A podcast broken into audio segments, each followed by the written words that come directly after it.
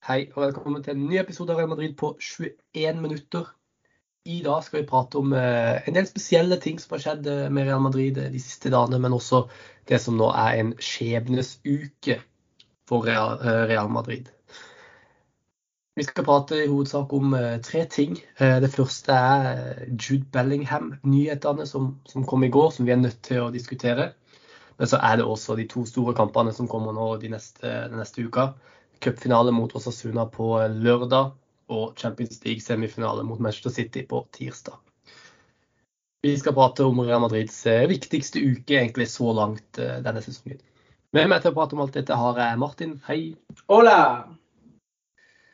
Kommer rett fra eksamen du nå, så litt sliten i hodet. Da er det vel ingenting som er bedre enn å prate om den gladnyheten vi fikk eh, i går om Jude Bellingham. Nemlig at det er ingenting som på en måte er bekrefta eller avgjort helt enda, men eh, de aller mest troverdige journalistene har altså sagt at eh, Real Madrid nærmer seg en overgang for Jude Bellingham. Ja, eh, det var jo, som vi har vært inne på så mange ganger, José Felix Diaz som sånn sett breaka nyheten i går. Før det så det som vel er kjent som fotball-Europas største største viderebringer av nyheter, eh, Fabrizio Romano, eh, måtte også heie seg på. og Det er det som gjør at folk nær sagt har det for gitt nå at eh, Jude Bellingham kommer til å bli Real Madrid-spiller. Og litt av det som står i, i den lange artikkelen i Marca av José Felix Diaz, er at Real Madrid er den klubben som kommer til å hente Bellingham. Man har i all hovedsak konkurrert mot Liverpool og Manchester City. Uh, og det er som det står ordrett, og det er at de engelske klubbene har lagt vesentlig mer penger på bordet. Men uh, at det er andre faktorer som har gjort at Bellingham nå har valgt Real Madrid. Og det blir jo egentlig veldig veldig likt det man gjorde med Aurelia Chouameni for et års tid siden. Uh, og på samme måte med Chouameni så har man egentlig lyst til å nå wrappe opp den overgangen her så fort sesongen er ferdig. for å unngå eventuelle utsvinger på, på slutten. Men alt tyder nå på at liksom, valget er tatt, og både City og Liverpool skal ha vært informert om at eh, han har valgt Real Madrid.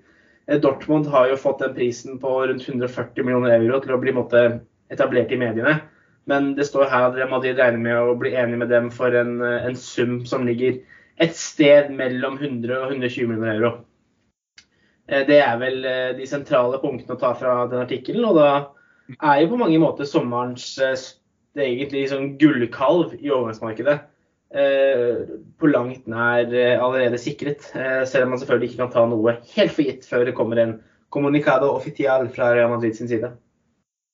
Nei, og det, det stemmer det. Jeg syns også vi skal vente litt på Mario Corterana, som har sagt at han skal komme med sin tolkning av denne situasjonen nå i kveld. Så den anbefaler jeg alle å følge litt med på, for han, han har også veldig gode skiller innad i klubben. Ehm, så den kan også være verdt å, å, følge med på. Men det ser ut som at uh, Jude Bellingham har valgt uh, Real Madrid. Og dette er jo en, en verdensklassespiller. Og bare for å sette i perspektiv hvor enorm denne signeringa er, og hvor, hvor, god Bellingham er, så er han faktisk ett år yngre enn Eduardo Camavinga. Som nå nettopp har spilt seg inn på midtbanen til Real Madrid. Ikke bare på midtbanen, men, men overalt, egentlig. Har trengt tid til å etablere seg som en, en spiller på, på toppnivå. Uh, og det er ikke så rart når man er såpass ung som han er. Uh, og Kamavinga er en spiller jeg har ekstremt stor tro på for framtida. Det sier litt når Jude Bellingham er ett år yngre enn han. Var en av VMs aller aller beste spillere. Blitt en fast spiller på det engelske landslaget. Og har vært kaptein for Dortmund. Kanskje Bundesligas beste spiller i år. Det sier litt om hva slags enorm spiller Real Madrid har uh, sikra seg her. Eh, og så banker vi selvfølgelig litt i bordet for at eh, dette går i land, da. Eh, men dette er virkelig en unik spiller, er det ikke? Jo, det her er et såkalt generational talent, som det så fint heter på engelsk. altså Sånne spillere finner man ikke hver dag. og Det er en grunn til at navnet Jude Bellingham føler vi at vi har hørt ganske lenge nå. og Han brøt igjennom i Birmingham i en alder av 15-16. Og når du som en 18-åring eller hva det er, eh, blir solgt til Borussia Dortmund, og, og barndomsklubben din fortsatt velger å, holde på å si, eh, frede eh, ditt draktnummer, så sier jo det veldig mye om Benningham. Og det som egentlig slår meg veldig mye når det kommer til han, er ikke bare det han gjør med ball i beina, men han virker som en eksepsjonelt moden type. En veldig sånn ledertype. Eh, og Det er en grunn til at han eh, fikk kapteinspinnet i Birmingham, han fikk kapteinspinnet i eh, Borussia Dortmund nå. Eh, og av det lille jeg har sett i engelske landslaget, syns jeg òg han har vært en av de spillerne som liksom trer frem i kamper som en lederskikkelse. Eh, og det er faktisk litt, litt, det vi har nevnt, at vi kanskje har savna litt i Madrid denne sesongen her. Så det, det vil jo passe veldig bra. Definitivt. Den midtbanen er fantastisk, eh, som Real Madrid har da. I eh, Kamavinga og Chouameni og til og med Valverde. Men eh, jeg er enig i at man har kanskje mangla litt de der lederegenskapene eh, som det f.eks. en spiller som Luka Modric har. da. Eh, og så betyr ikke det at ikke noen av de kan, kan lære seg det. Eh, jeg tenker jo lederskap kommer også litt med erfaring. Mm. så det er jo særlig Valverde tenker jeg på en spiller som, som kan inngå kan ta på seg en sånn rolle, da. Men med Jude Bellingham så kjøper man på en måte en spiller som i en alder igjen av 19 år, som er et ferdig produkt. Han, er ferdig, han fremstår nesten som verdens beste midtbanespiller. Han er selvfølgelig ikke det, men han fremstår som en av verdens beste midtbanespillere da, allerede i denne alderen. Og det, det er så unikt at um, 120 eller hva enn millioner euro det blir, virker jo nesten som uh, et røverkjøp når man får en såpass eh, god spiller som han. Ja, det er litt som vi snakket om om Chouamani for et års tid siden. og Da var jeg egentlig ganske tvilsom. Mye pga. at jeg ikke helt så han gå inn og ta eh, plassen til Casemiro. Så vil jeg kanskje komme med en liten sånn hva var det jeg sa, når man ser at Chouameni nå har vært litt inn og ut av elveren gjennom hele sesongen, eller spesielt etter VM. Eh, og hadde jo Casemiro vært her, så hadde det jo på mange måter blitt enda mindre spilletid. Men eh, nå ser det jo faktisk ut som at både Modic og Tony Cross får nye kontrakter. og Vi kommer litt mer inn på konsekvensene av det senere. Men eh, Jude Bellingham vil jo gå rett inn i startleveren. For eh, det har jo på en måte vært tvilstilfeller rundt både Modric og Cross. Og jeg tror vi nær sagt kan ta det for gitt, så framt ikke noe helt eh, abnormalt skulle forekomme, at både Luka Modic og Tony Cross forsvinner fra Madrid i sommeren 2024. Eh, og da må man eh, speile seg godt. Og det her ble jo meldt tidlig fra Madrid-hold og i spansk presse, nemlig at det at Modic og Kroos blir værende den siste sesongen her, strengt tatt ikke har så veldig mye å si. Uh, og selv en spiller som Jude Bellingham kan det være trenger en, den ene sesongen som en, et såkalt mellomsteg på å liksom virkelig ta over stafettpinnen som kanskje den ledende drivkraften på Madrids midtbane de neste 10-15 årene. Definitivt. definitivt. Eh, jeg tror vi eh, går litt videre fra Jude Bellingham eh, nå. Vi har litt andre ting å prate om også. Men det er en ting vi kan love, og det er at den dagen dette eventuelt skulle bli offisielt, så blir det en lang, lang Jude Bellingham-podkast hvor vi prater om alt dette betyr for, for Real Madrid, hva slags spiller han er, hvordan vi ser for oss at dette skal, skal funke. Eh, men akkurat nå tror jeg kanskje vi legger et lite lokk på den. Jeg vil heller prate litt om som du sier, konsekvensene av dette. og at Luka Modric og Tony Kroos også ser ut til å forlenge kontraktene sine med Real Madrid. Det betyr at en, en spiller jeg vet at vi begge to er stor fan av. Eh, hans framtid i Real Madrid ser jo litt mørk ut, da, Dani Ceballos. Eh, som nå blir da skjøvet enda lenger bak i rekka over midtbanespillere. Vil jo da være i realiteten et slags syvende valg på midtbanen. Er dette eh, kroken på døra for eh, Dani Ceballos? Jeg har en litt sånn naiv tilnærming til det her, hvor jeg måtte få lyst til å si nei. Eh, det er fordi at jeg ikke klarer å ikke tvile på hvor mye Modric og Cross egentlig kommer til å spille den siste sesongen. Men det er liksom det, det rasjonelle, den sunne fornuften som bare forteller meg at de kan ikke spille så mye pga. alder. Eh, og det er jo egentlig dominerende med, med Modric. Jeg tror nesten jeg mentalt sidestiller Kroos og Modric. Men det er klart, eh, hvis Kroos har noe for brøkdel av den fysikken Modic har utvist de siste fem årene, så vil Kroos nesten kunne spille alt. Eh, så jeg skjønner jo hvor du vil hen. Eh, og det har jo stilna veldig disse ryktene om at Real Madrid kommer til å forlenge med Dian Ceballos. Og det ville ikke overraska meg om han nå forsvinner ut eh, når kontrakten går ut 30.6. Men jeg klarer liksom ikke å slippe den tanken på at Kanskje de klarer å overtale han, men det er klart det midtbanen Real Madrid nå Hvis man tar bort Ceballos fra ligninga, den midtbanen man kommer til å ha med Federico Verde, Eduardo Camavinga, Aurelian Chouameni og, og, kanskje da Jude Bellingham eh, Det er jo ikke en takknemlig oppgave å skulle spille seg inn der.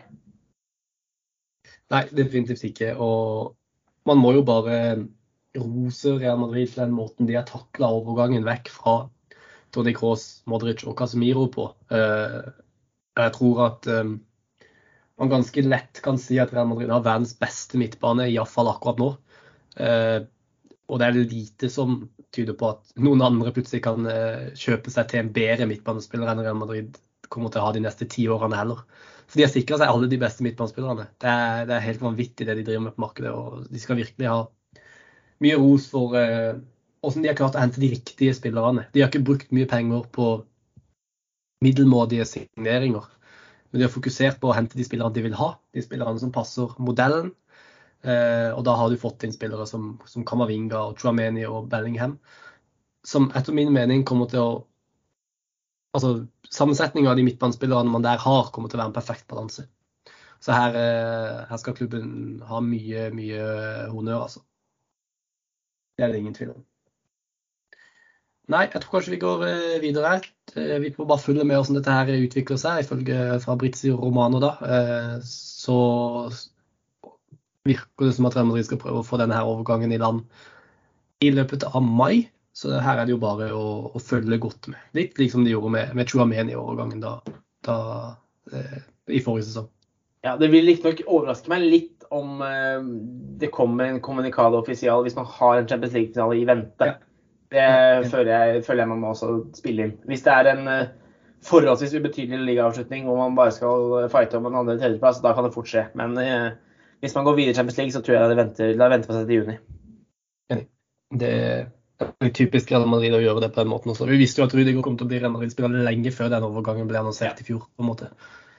Eh, så det, det holder jeg med deg. Nei, lørdag det er, Sesongen er jo ikke over ennå. Vi må ikke begynne å tenke helt på neste sesong ennå. For eh, Real Madrid skal altså spille cupfinale på lørdag. Og endelig! Ja, endelig! Det å vinne cupen for Real Madrid det er jo det samme som å vinne Det er like vanskelig som å vinne La Liga fire år på rad. Uh, så er det nesten det er undervurdert hvor stor prestasjon det er Real Madrid har kommet til denne finalen. For det, det skjer aldri. Skal man trekke inn at det, det å vinne Copa del Rey for Real Madrid er for andre, andre, normale lag å vinne Champions League? Ja, definitivt. Det er lettere for Real Madrid å vinne Champions League enn det er å vinne cupen. Det er bare sånn det har blitt. Um, et lag i Det er litt vanskelig å si hva slags form de er i, egentlig. Real Madrid har altså da tapt to av de siste tre kampene i eh, La Liga. Uh, sluppet inn det som da er ti mål på de tre siste kampene. Men så er det jo også sånn at dette er et lag som ikke har noe å spille for i ligaen lenger. Den er tapt. Nå er også Atletico Madrid forbi de på tabellen, så de har ikke den der tredjeplassen. Eller eh, det blir nok tredjeplass for Real Madrid i La Liga. Så det er litt vanskelig å si hva slags form de egentlig er i. Så på lørdag så er det altså også Suna, et lag som selvfølgelig ikke har så særlig mye annet å spille for denne sesongen. Det er liksom det er cupfinalen for de. Hvordan ser du på, på inngangen til denne kampen? Etter Sasuna har liksom hvilte stort sett alle spillerne sine mot Barcelona nå i midtuka. Det er Real Madrid vilte jo også ganske mye spillere da.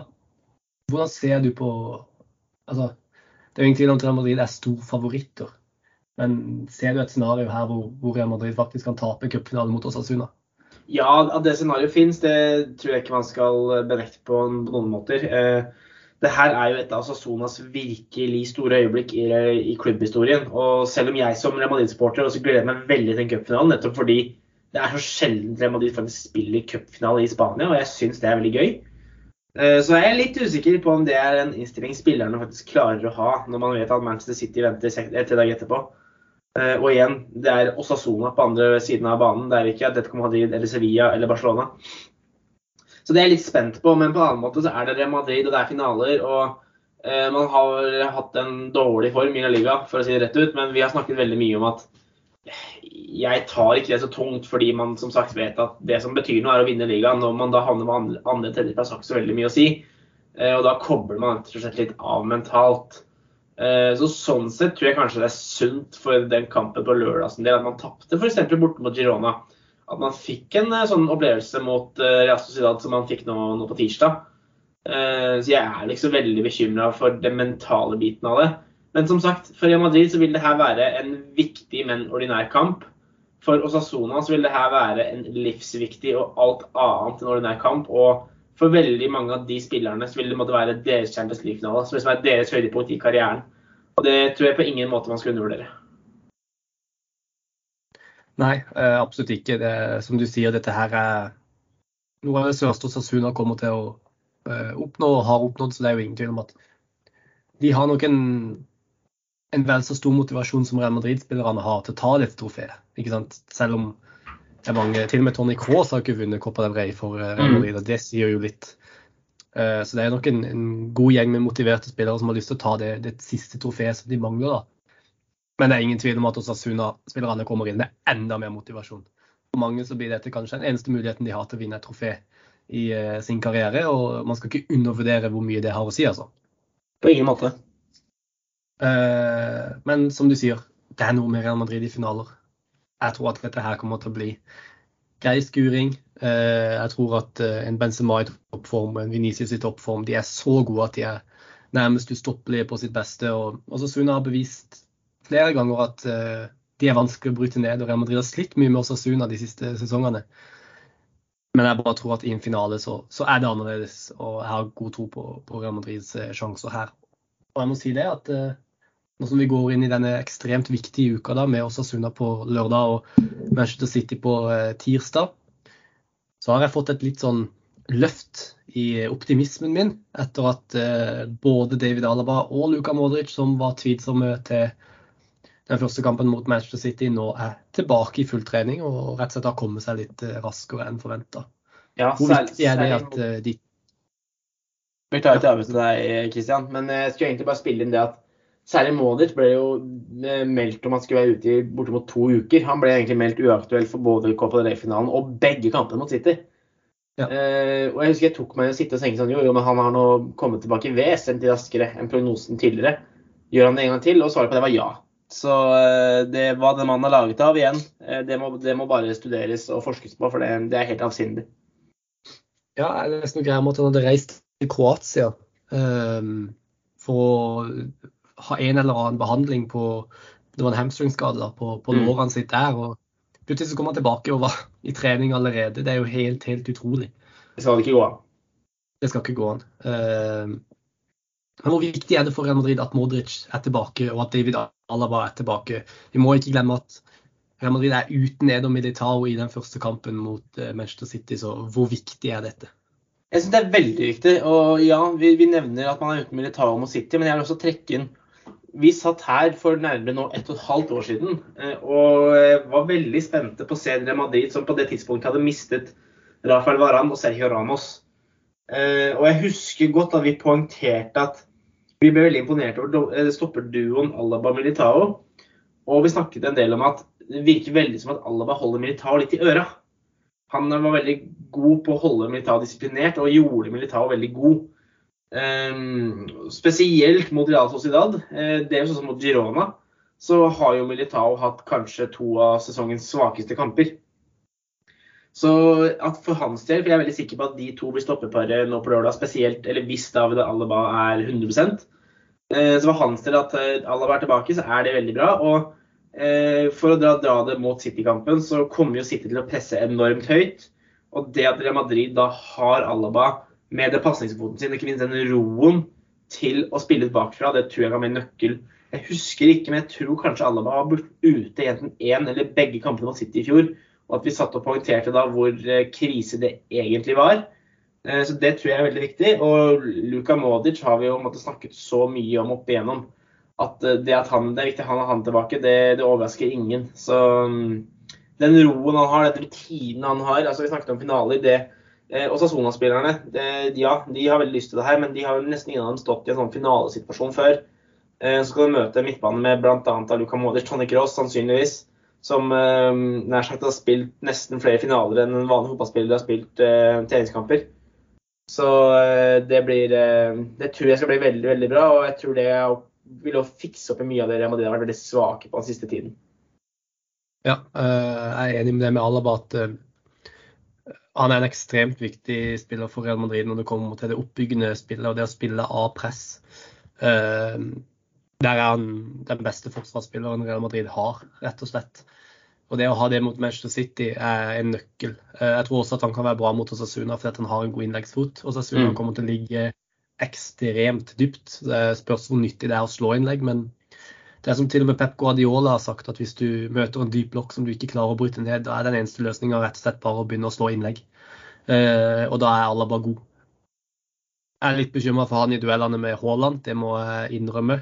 Der hadde jeg foretrukket å sette Militar, men, men Rydiger er sterk. Jeg tror han kan, kan håndtere Haaland så, så, langt det er mulig, for han er jo så godt som ustoppelig uansett. Eh, men det er ikke så mange andre stoppere i verden jeg ville heller hatt i den duellen da, enn Antonio Rydiger. Nettopp. Men så er det én ting til eh, jeg tenkte på her, og det er jo Rodrigo. Og dette er en samtale vi har hver eneste gang det er storkamp. Men nå har jo han så godt som spilt seg til fast plass i startelveren til Real Madrid. Hvordan ser du for deg at hans rolle blir nå over disse to kampene mot Osasuna og Manchester City? Gir det Angelotti en mulighet til å benke han mot City? Ikke nødvendigvis for å vrake han, men for å gå for en litt annen taktisk tilnærming. Um, og ha energien sin fra benken, og at han vil da få et lite på en måte en unnskyldning for å gjøre det, med å starte han i cupfinalen på, på uh, lørdag. Og så ser du for deg at uh, Rodrigos rolle vil bli nå uh, over disse to kampene. For han har vært i, i enorm form de siste ukene, rett og slett. Jeg syns egentlig det resonnementet ditt er veldig godt. Det. Fordi Skulle jeg holdt på å si tippa nå, så hadde jeg tippa det at Rodrigo starter på lørdag og benkes mot City. av akkurat den årsaken du trekker inn selv, Christian. Um, han hadde jo fortjent å starte begge kampene, det syns jeg. Jeg syns han har vært veldig veldig god i veldig lang tid. Men uh, jeg heller nok mot at jeg tror han blir benka mot City. Uh, og at man kommer til å ha en litt mer offensiv approach mot Asasona, fordi som sagt, de kommer til å legge seg dypt. Uh, og så kommer da Rodrigo til å være liksom det trumfkortet Angelotti har å kaste inn mot slutten mot City, også selvfølgelig litt avhengig av kampklima. Rett og slett fordi det er første oppgjør, og alt skal avgjøres da på Etiad en uke i etterkant. Hvordan, og bare helt til slutt her før vi, før vi, avslutter.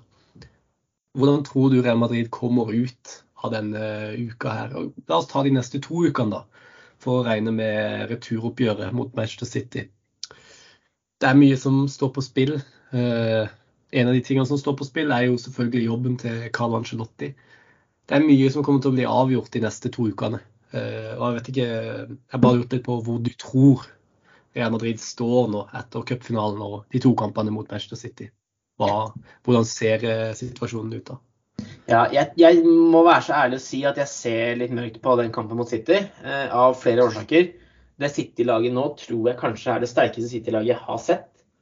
Uh, og det vil være en sånn iboende revansjelyst i den gjengen etter uh, de kampene i fjor. Uh, vel forståelig.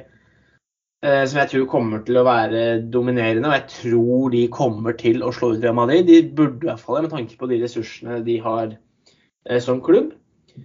Jeg tror òg Real Madrid kommer til å slå sesongen og vinne cupen. Og nå snakker vi liksom litt om dette her med jobben til Angelotti, og det har vært litt sånn ikke muldring, men litt sånn snakk om det i mediene. Og jeg tror veldig mye av det vil måtte falle lande på og avgjøres av hvordan uh, kall det image man gir i disse kampene mot City. Det er det jeg tror vil bli nøkkelen. Og det, der må jeg si jeg er veldig spent, fordi jeg kan på en måte se for meg et Real Madrid-lag som blir nær sagt presset i senk når man blir Ikke presset i senk, men klarer å slippe inn fire mål mot Osasona, så klarer man det i hvert fall Manchester City.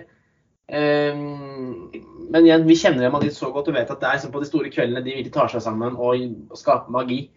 Så jeg er egentlig, jeg er egentlig mest av alt spent. Um, jeg er, men jeg er optimist for cupen og dessverre litt pessimistisk for uh, Champions League-skjebnen, hvis jeg skal være helt ærlig. Ja, det blir noen spennende uker. Jeg tror jeg følger deg på det resonnementet der. at uh, uh, det, det, var marginer som gjorde at Real Madrid gikk videre til uh, finalen i fjor. At de slo ut City.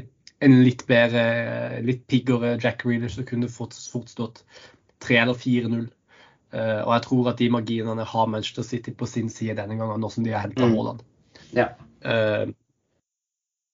så så er jeg enig. Jeg ser på City som en ganske stor favoritt til det. Og jeg er forberedt på at det kommer til å bli tøft for Real Madrid. Men cupfinalen, det må man ta. Det er rett og slett helt utilgivelig om Real Madrid ikke vinner denne cupen nå etter å ha stått all den tøffe motstanden på veien og egentlig står igjen med et lag som da ligger midt på tabellen i La Liga. Det hadde rett og slett vært en enorm skuffelse om de ikke klarer det. Ja, og Hvis man skulle gå på trynet i den posisjonen, eh, da tror jeg egentlig litt uavhengig av hva som skjer i Champions League, så kan man ta det for gitt at Ancelotti ikke tjener Real Madrid neste sesong, hvis jeg skal være helt ærlig. Ja, Det blir noen spennende uker.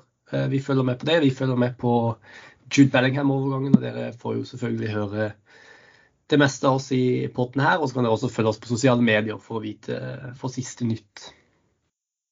Takk for at du var med i dag, Martin. Det var helt supert. Nok en gang en sann glede, Christian. Takk til alle dere som hørte på, og til neste gang, à la Madrid.